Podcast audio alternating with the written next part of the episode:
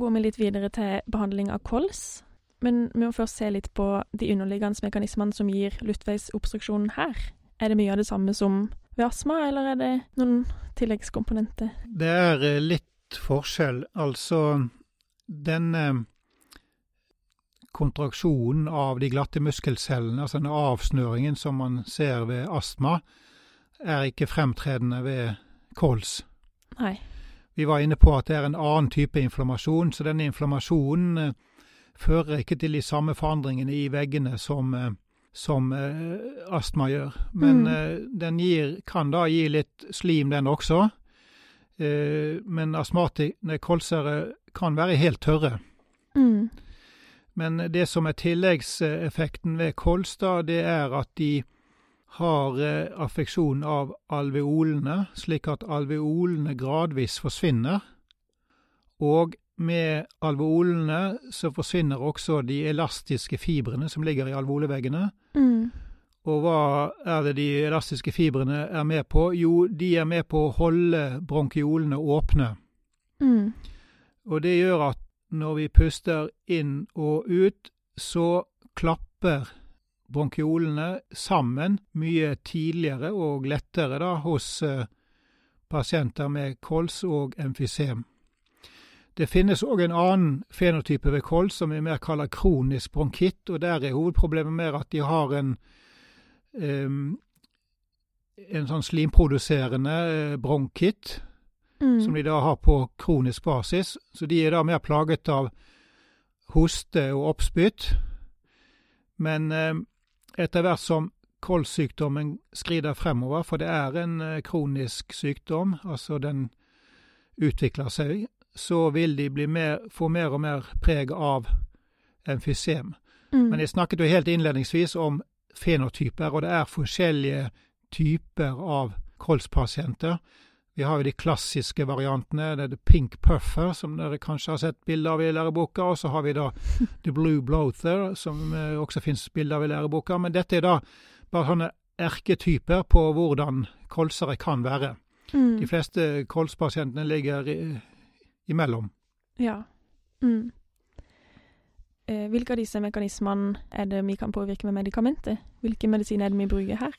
Eh, ved kols så er det interessante at inhalasjonsteorider har ingen fremtredende plass. Nei. Det kan jo virke litt eh, selvmotsigende, all den tid også her er en lavgradig inflammasjon. Men det viser seg at denne inflammasjonen er ikke påvirkelig på samme grad som astmainflammasjonen, av steroider. Derfor er ikke inhalasjonsteorider førstevalget ved kols. I stedet så bruker man da bronkodilatatorene Mm. for å prøve å holde bronkiene åpne. Mm.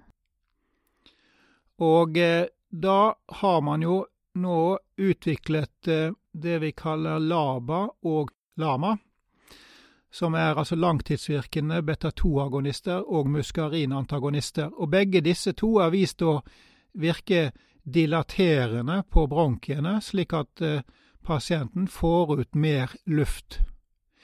Men de har også en annen effekt, klinisk effekt, og det er at de eh, reduserer antall eksacerbasjoner. Og de har også en dempende effekt på fallet i eh, lungefunksjon som kommer med årene. Som jeg sa i sted, så er kols en sykdom som utvikler seg langsomt og gradvis. Mm. Men sånn korttidsvirkende har ikke noe plass her, da? Jo, her, eh, her sier de det at eh, de internasjonale retningslinjene de finner dere på eh, et sted som heter COPD Gold. Og de lager jo da nye retningslinjer, eller oppdaterer de årlig. Og de har fortsatt korttidsvirkende beta-2-agonister og korttidsvirkende muskarinantagonister, altså SABA og SAMA, Mm. som en sånn, skal vi kalle det, behovsmedisin som man har med seg i lomma. OK. De holder fortsatt på det. Så er det jo slik at ved kols så er det altså først og fremst symptomene vi behandler. Vi klarer ikke å behandle på samme grad den underliggende inflammasjonen. Så da er tanken at vi da bruker LABA og LAMA for å gjøre hverdagen lettere for pasienten. Mm. Og de nyeste medisinene nå er jo kommet eh, med så lang virketid at du kan ta inhalasjonen bare én gang i døgnet. Ja. Altså da du har 24 timers virketid. Det er jo veldig greit. Mm. Er det noen andre medikamenter enn dem vi allerede har snakka om, som brukes ved kols og ikke astma? Vi har annet hørt om uh, Roflumolas. Har den noe plass i behandlinga, f.eks. av alvorlig kols?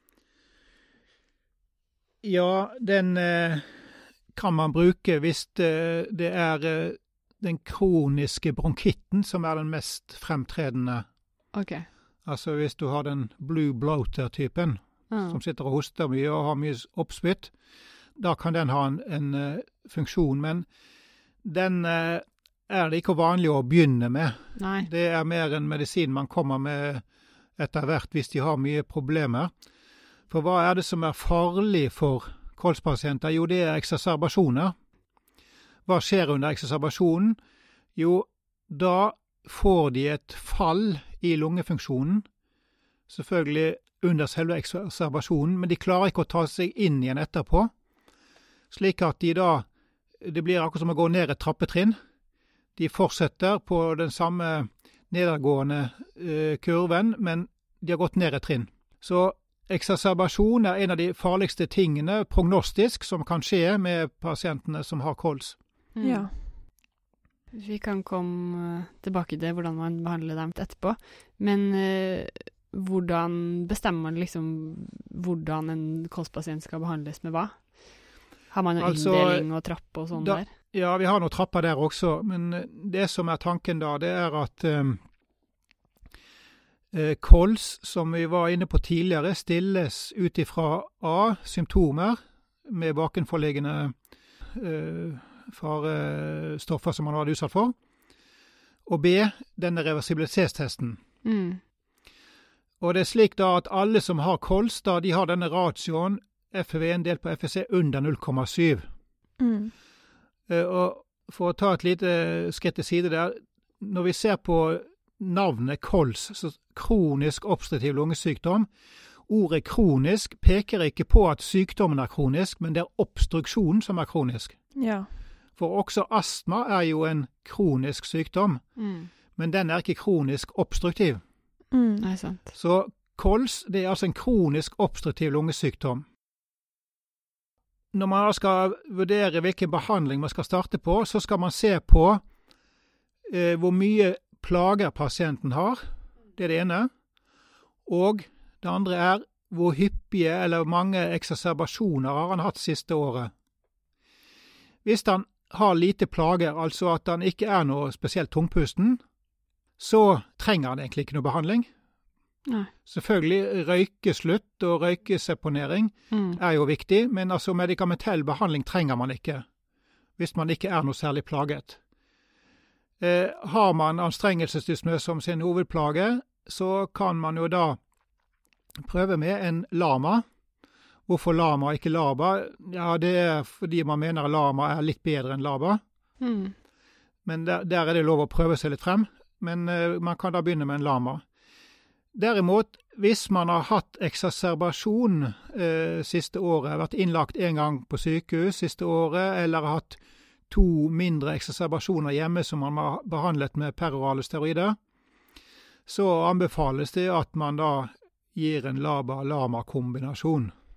Mm. Så det er vel eh, stigen. Og så har man da en undergruppe som man også kan gi inhalasjonsteorider, som et tredje medikament, altså en, en trippelbehandling. Men det har man da sett at har effekt først og fremst hos de som har A. hyppige eksacerbasjoner, og B.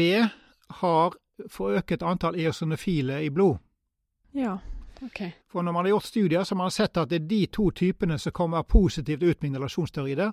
I de andre gruppene så har ikke inhalasjonssteroider noe tilleggseffekt, positiv tilleggseffekt på, på lungesykdommen. Eh, Den kan til og med ha en negativ effekt, nemlig at det kan føre til økt antall pneumonier. Ikke sant.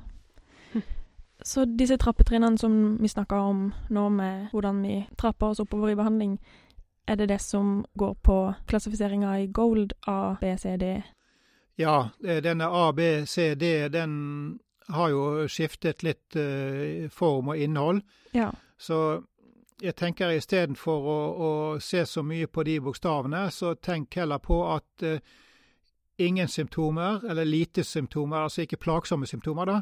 Ingen behandling. Er du plaget av anstrengelsesdyspnø, så prøv en lama. Mm. Eh, har du eksacerbasjoner, så legg til en eh, laba, en laba-lama. Mm. Og er du veldig plaget, så får du da prøve, altså med hyppige eksacerbasjoner og knapt nok eh, pust og bevege deg, så kan du da vurdere inhalasjonsteori der i, i de tilfellene hvor du, du altså da har eh, Ja. Mm. Og så finnes det jo noe som heter gold 1-4. Kan du bare forklare for, hva dette er? Ja, Gold 1-4 det var noe man begynte med den gangen man laget uh, denne Gold-gruppen. Altså De satte seg da ned uh, en gjeng menn rundt bordet, og så ble de enige om at her deler vi det inn i fire undergrupper. Mild, moderat, alvorlig og svært alvorlig. Alle disse fire gruppene har da det til felles at de har denne ratioen under 0,7. Mm. Men i tillegg så ser man da på FEV1. Og hvis man da har en normal FEV1, dvs. Si over 80% av forventet, så sier vi at vi har mild kols. Så kan man jo da diskutere er finnes mild kols overhodet. Det er noen som diskuterer det, om det egentlig bare er et normalt. Mm. Så er det de som da har en eh, moderat kols, altså en FEV under eh, 80% av forventet, men over 50% av forventet. Der begynner man å få symptomer. Det er ofte de som da havner i, i A- eller eh, C-gruppen, altså eh, ja, hvor de har eh, symptomer. Mm. Eh, men eh, de har ikke så ofte ekstrabersjoner, men de kan ha det. Mm. Det som er poenget før vi går videre i denne A, B, eh, C, D og versus goal-klassene, det er at goal-klassene betyr ikke noe for hvilken behandling du skal gi. Det er symptomer, graden av symptomer og antall eksacerbasjoner som avgjør om du skal gi behandling eller ikke. Mm. Ja, men det var fint å få en klargjøring på de to forskjellige klassifiseringene. Til slutt kan vi snakke om behandling av disse eksacerbasjonene som vi var litt innom i stad. Først og fremst, hva er en eksacerbasjon? Kolsekserbasjon, ja, hvis du skal lese definisjonen som er stilt opp av de internasjonale organisasjonene eh, for lungesykdommer, så er jo den lang som et vondt hår. Men eh, i praksis så er det det at du har en forverring som er større enn dag-til-dag-forandringene. Ja. Vi har jo alle gode dager og dårlige dager. Mm. Men en forverring, som, altså det er en då- at du blir dårligere enn det du pleier å være.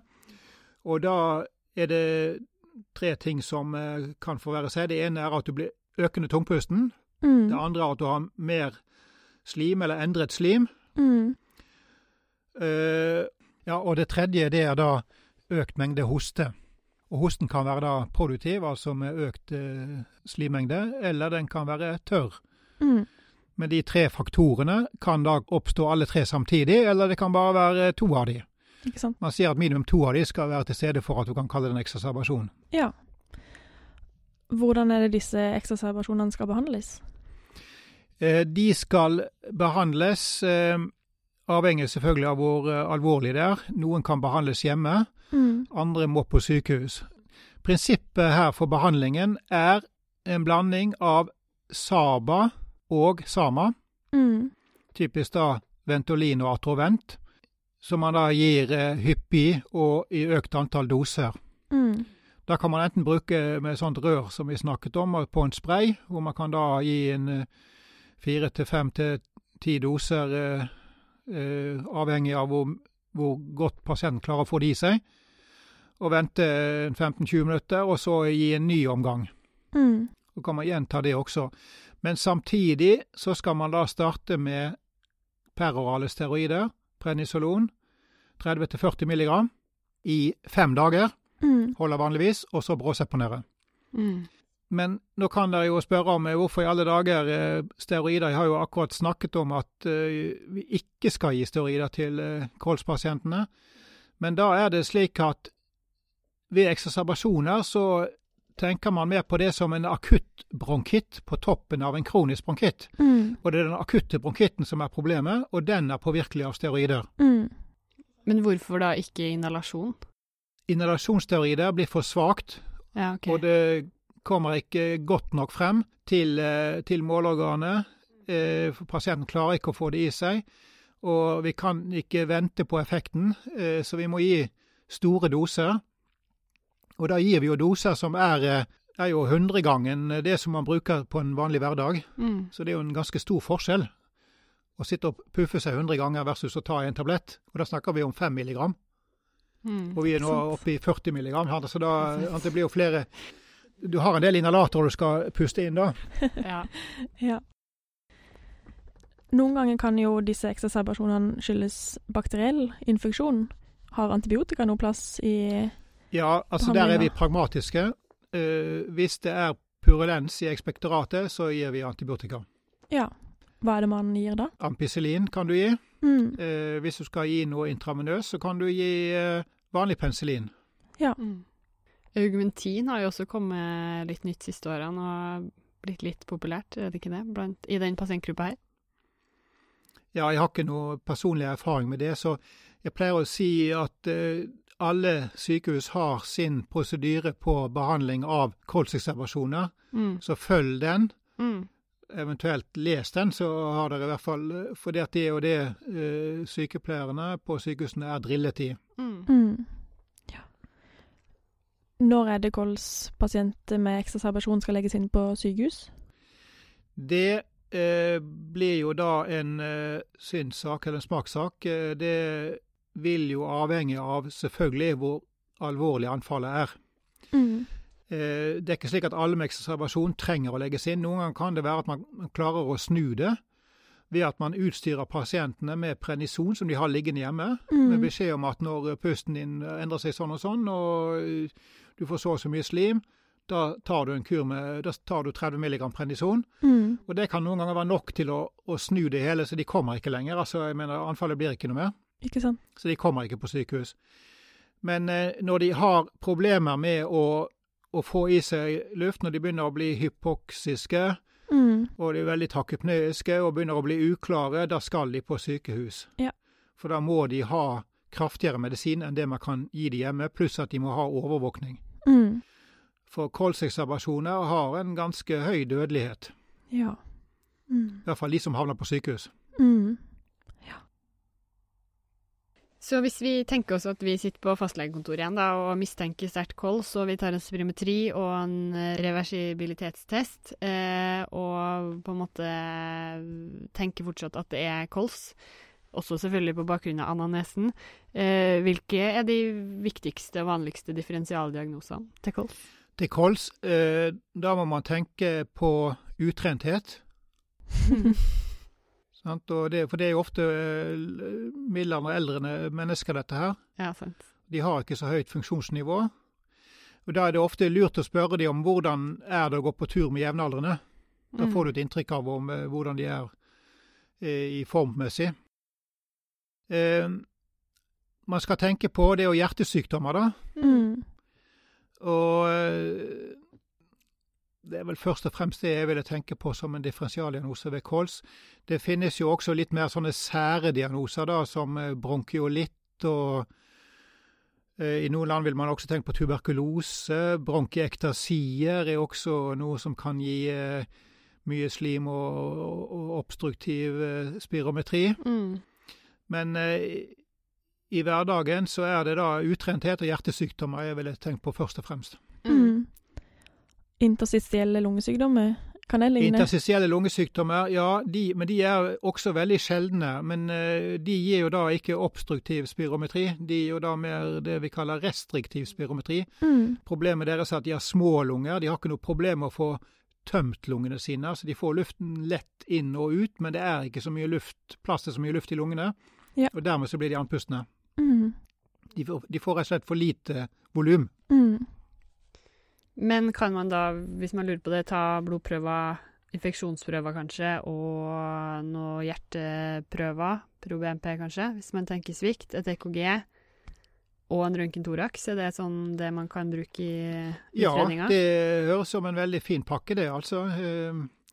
Om man trenger røntgentoraks, det vet jeg jo ikke helt. Det kommer jo an på nesten hvor lett det er tilgjengelig. Sant? Mm. Er det ti mil til nærmeste røntgenapparat, så er det kanskje ikke noen grunn til å sende de dit. Nei. Men, men iallfall blodprøver, ja. EKG for å se at det er noe med hjertet. Ja. Mm. Og så får vi høre litt da, som sagt, om eh, hvordan hverdagen deres det er. Eh, altså hvor plaget er de. Ja. Mm. Men hvis de har Si at man har en uh, mann, kvinne litt oppi årene som har røkt, som kanskje har vært utsatt for støv eller andre annen eksponering, da. Eh, og så Da vil jo jeg kanskje tenke også kreft en eller annen gang inni her. Er den CT på en måte indisert, eller er det bare å starte med en behandling? Nei, ikke ved kols. Altså, Nei. kreft eh, gir vanligvis ikke tungpust Nei. alene.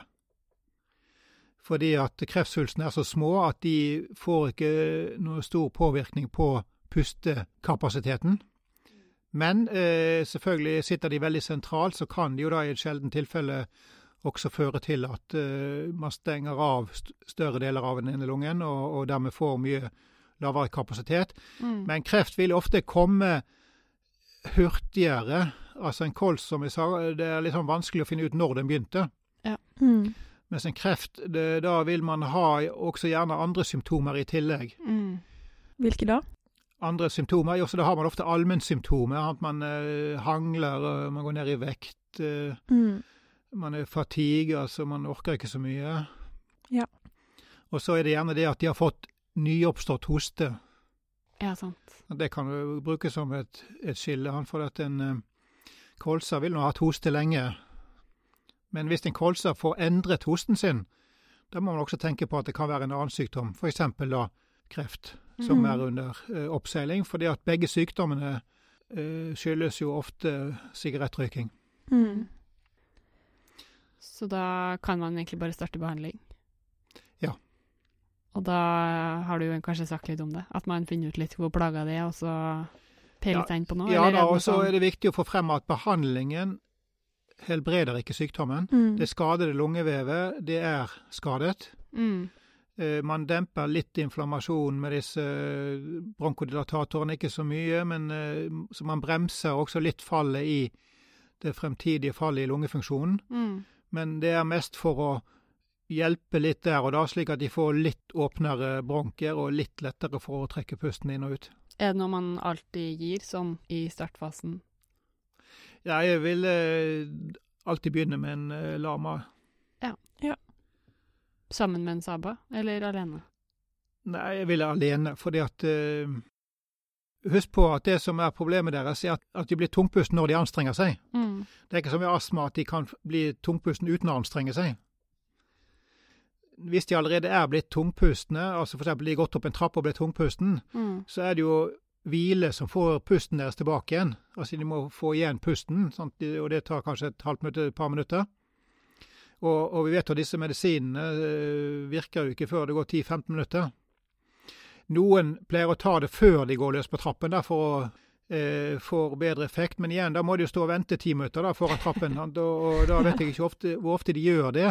Kanskje det, effekten kommer heller når de er oppe? ja, sant, at effekten kommer etterpå, Ja. når de, hvis det skal gå flere etasjer kanskje. Men, mm. men i utgangspunktet en uh, lama, og, og, hvis de har mye symptomer, kan du også prøve å legge til en laba, altså lama-laba-kombinasjon. Mm. Og eh, hvis eh, Altså, retningslinjene internasjonale sier at det er ikke noe galt å gi de Atrovent og Ventolin som han sprayer ved siden av, men eh, hvor mye tilleggseffekt de får av de, er jeg litt mer usikker på. Ja. Mm. Men ved anfall så kan det være godt å ha de når de får en eksacerbasjon. Da kan de ha de, for da eh, kan de bruke det som en slags forstøver i, ved et sånt kammer. Så kan de ta frem de og sitte opp og puffe litt med de. Mm. Er det noen som har sånn fysisk forstøver hjemme òg? Forstøver, ja. Det er litt for mange i Norge som har forstøver hjemme. Ja. Det er litt for mange forstøvere som står og støver ned rundt omkring i skap i Norge. Fordi at eh, Det er jo litt eh, psykologi i det òg, for de får gjerne forstøver når de kommer på sykehus. Og så sier de da at eh, ja, hvorfor kan de ikke få det hjemme også? Så kan de ha det. Det virket jo så godt her. ja. Men forstøvere, de er jo ganske tunge, de, og de krever strømtilførsel. Mm. Og de skal rengjøres mellom hvert bruk. Så det- det er ikke så enkelt som bare å trekke frem en inhalator fra lommen. Nei, Sant. Og, og det tar jo også en ti 10 minutter, opptil 15 minutter å, å, å sitte med denne munnstykket, da, fredspipen, og, og, puste inn og ut inntil den eh, forstøveren er ferdig. Så det er andre ting man kan gjøre før det? Ja, altså eh, Det er litt gammeldags eh, å gi pasienter forstøver hjemme til sånn tre ganger daglig. Ja. Til slutt, eh, når er det kolspasienter bør henvises til lungespesialist? Nei, de trenger vel eh, De må henvises hvis det er mistanke om at de eh, er eh, i respirasjonssvikt. Altså at de må ha LTOT, altså langtids oksygenbehandling. Mm. Og det er jo ikke så lett å, å finne ut av. Man har jo vanligvis ikke arteriemålinger på legekontor. Men hvis man har da et um, fingeroksymeter, Mm. så kan man jo se at hvis eh, metningen i hvile er under 92 91-92% så vil jeg henvist. Ja. For å få tatt en ordentlig blodgass. Mm. Og da snakker vi om i hvile, altså ikke når de puster og peser, for da kan de falle mer. Ja. Mm. Er det noe til slutt som du føler at vi ikke har fått fram, som du vil eh, si? Nei, jeg synes vi har fått frem veldig mye i denne podden, og eh, det viktige er å ha noen enkle kjøreregler istedenfor å grave seg ned i detaljer. Detaljer er noe som spesialistene kan forholde seg til. Ja. Selv de ikke alltid heller. Men eh, tenk de enkle og oversiktlige prinsippene, så kommer dere langt. Mm. I de aller, aller fleste tilfellene. Og i de tilfellene dere ikke kommer til målet, så har dere spesialisthelsetjenesten å forholde dere til. Ring en venn. Tusen takk for at du ville komme og snakke om dette temaet, Lars. Bare hyggelig.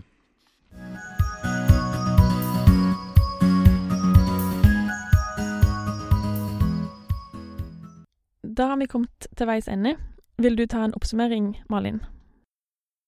Ja, astma og kols det er veldig vanlige sykdommer. De skiller seg fra hverandre ved at astma er anfallsvis opptreden av tungpust, hoste og piping i brystet. Det er ofte mest uttalt på natta og på morgenen. Astma har reversibel obstruksjon som opphører spontant eller ved bruk av medikamenter. Dette ses ofte hos yngre personer, men det kan også debutere senere i livet. Ved kols er det inflammasjon både i luftveien og i lungeparenkymet. Det gjør at her pasientene både får obstruksjon og eller destruksjon av lungeparenkymet, som også kalles emfysem. Eh, kols karakteriseres ved at eh, det ikke lar seg reversere. Det andre kriteriet er at det er symptomer til stede som er relatert til en eksponering, som f.eks. sigarettrøyk eller støv eller gass, som man ofte er eksponert for da i yrkessammenheng. Symptomene er anstrengelsesdyspne og eventuelt hoste, som kommer veldig gradvis. Kols ses først og fremst hos eldre personer over 50 år. Hovedregelen er at man bruker inhalasjonsmedisiner i behandling av både astma og kols. Det gir rask og direkte effekt der medisinen skal virke, altså i bronkiene og luftveien, og det reduserer systemiske bivirkninger.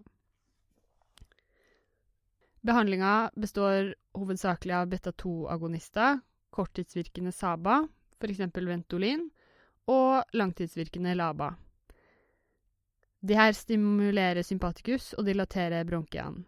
Vi har også snakka om muskarinantagonister. Der har vi de korttidsvirkende SAMA, som f.eks. er Atrovent, og langtidsvirkende LAMA. De her hemmer parasympatikus og dilaterer også bronkiene. Vil du fortelle litt om eh, guidelines for behandling, Cecilie? Ja. Ved behandling av astma skal det etter nye retningslinjer fra 2022 brukes et kombinasjonspreparat av LABA og inhalasjonssteroider som skal tas hver gang pasienten har symptomer. Ved symptomer utover dette så skal det gis en fast dosering morgen og kveld, og man har i tillegg flere verktøy i kassa som man kan ta i bruk, som antikolinergika og leukotrien-antagonister. Ved lite effekt av behandling så er det òg viktig å tenke på om pasienten tar medisinen, og om pasienten tar medisinen på riktig måte. Ved kols kan sykdommen deles inn i to klassifiseringssystemer. Vi har Gold 1-4, basert på grad av luftstrømsobstruksjon og verdien på FEV1 på spirometri, og en A-D-klassifisering, basert på symptombyrde og antall eksacerbasjoner per år. Den siste klassifiseringa, altså A, B, C, D, som bestemmer behandlinga, og man begynner ofte med en lama, og kan eventuelt legge til en laba ved behov for det. Inhalasjonssteroider har kun plass i behandlinga ved hyppige eksacerbasjoner, og ved kols som har høye eosinofile granulocytter. Akutte kolseksacerbasjoner behandles med hyppige SABA-inhalasjoner, prednisolon per os 30-40 mg i fem dager, og eventuelt antibiotika hvis man har purulent ekspektorat. Kolspasienter skal henvises ved kronisk hypoksi, altså at man måler en SPO2 på under 92% i hvile, for å ta en blodgass og eventuelt vurdere bruk av langtidsoksygenbehandling. Tusen takk til alle dere som har hørt på oss. Hvis du har noen spørsmål, send oss en mail eller en melding på Facebook eller Instagram. Vi høres igjen. Ha det bra! Ha det!